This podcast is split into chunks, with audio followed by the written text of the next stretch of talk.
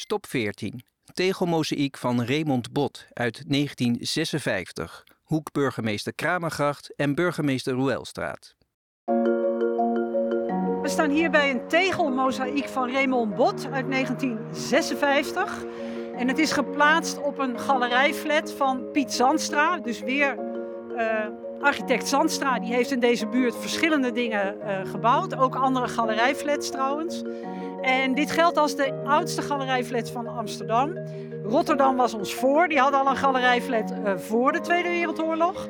Maar goed, dit kunstwerk stelt voor de Phoenix die uit de as herrijst. En dat is Nederland dat na de Tweede Wereldoorlog herrijst uit de as. Typisch een thema voor de monumentale wandkunst.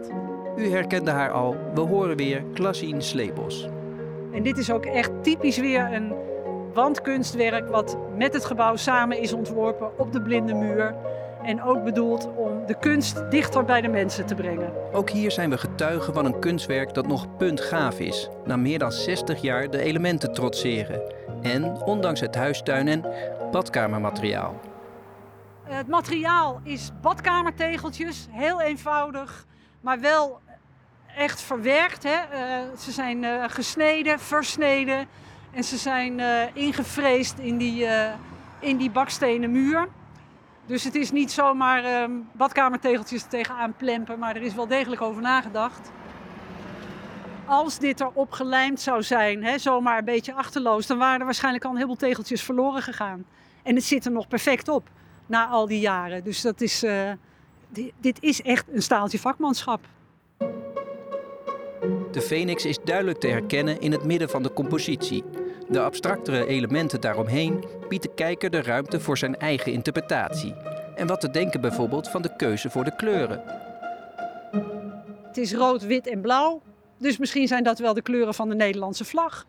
En er staan wat bomen, wat natuur zit erbij. Misschien is dat ook weer het weer opbloeien van de samenleving. En dat is het voordeel van half abstract werken. Je krijgt een aanknopingspunt van de kunstenaar. Het is een vogel. Uh, er wordt bij gezegd dat het de phoenix is en de rest mag je er helemaal zelf bij verzinnen.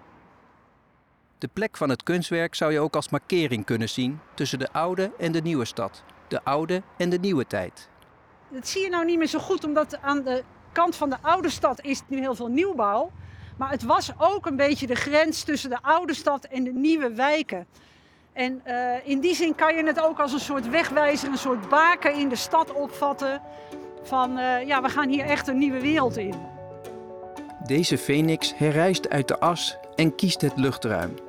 Het balletmeisje van Gerard Hoordijk tart de zwaartekracht. Ze zweeft. En Jan Peter stijgt boven zichzelf uit wanneer hij de ideeën van de academie achter zich laat. En dat is wel zo ontzettend goed, man. Hoe nagelvast ze ook mogen zitten, vele van de kunstwerken die we gezien hebben, lijken ons op te roepen om zo nu en dan los te komen. Dus de waarde van het kunstwerk is niet alleen het kunstwerk zelf. Ontworstel jezelf eens van de conventies. Maak korte metten met de ongeschreven wetten van de tradities. Zouden we zelf ook eens wat vaker moeten doen? Rijk naar de sterren. Breek uit je ivoren toren. Immers, een held die faalt is nog steeds een held. Maar de mens die de sprong niet waagt, is voor zeker een tragisch lot beschoren. En met deze tikje pathetische woorden zijn we aan het einde gekomen van deze audio-fietstour. Wilt u meer weten over wandkunst in Amsterdam Nieuw-West of de stedenbouwkundige erfenis van Cornelis van Eesteren? Fiets dan even door naar het beginpunt van de tour, naar het Van Eesteren Museum. Het museum is geopend van donderdag tot en met zondag van 12 tot 5 uur. Deze audiofietstour is een productie van de Kostgangers in opdracht van het Van Eesteren Museum en de afdeling Monumenten en Archeologie van de gemeente Amsterdam.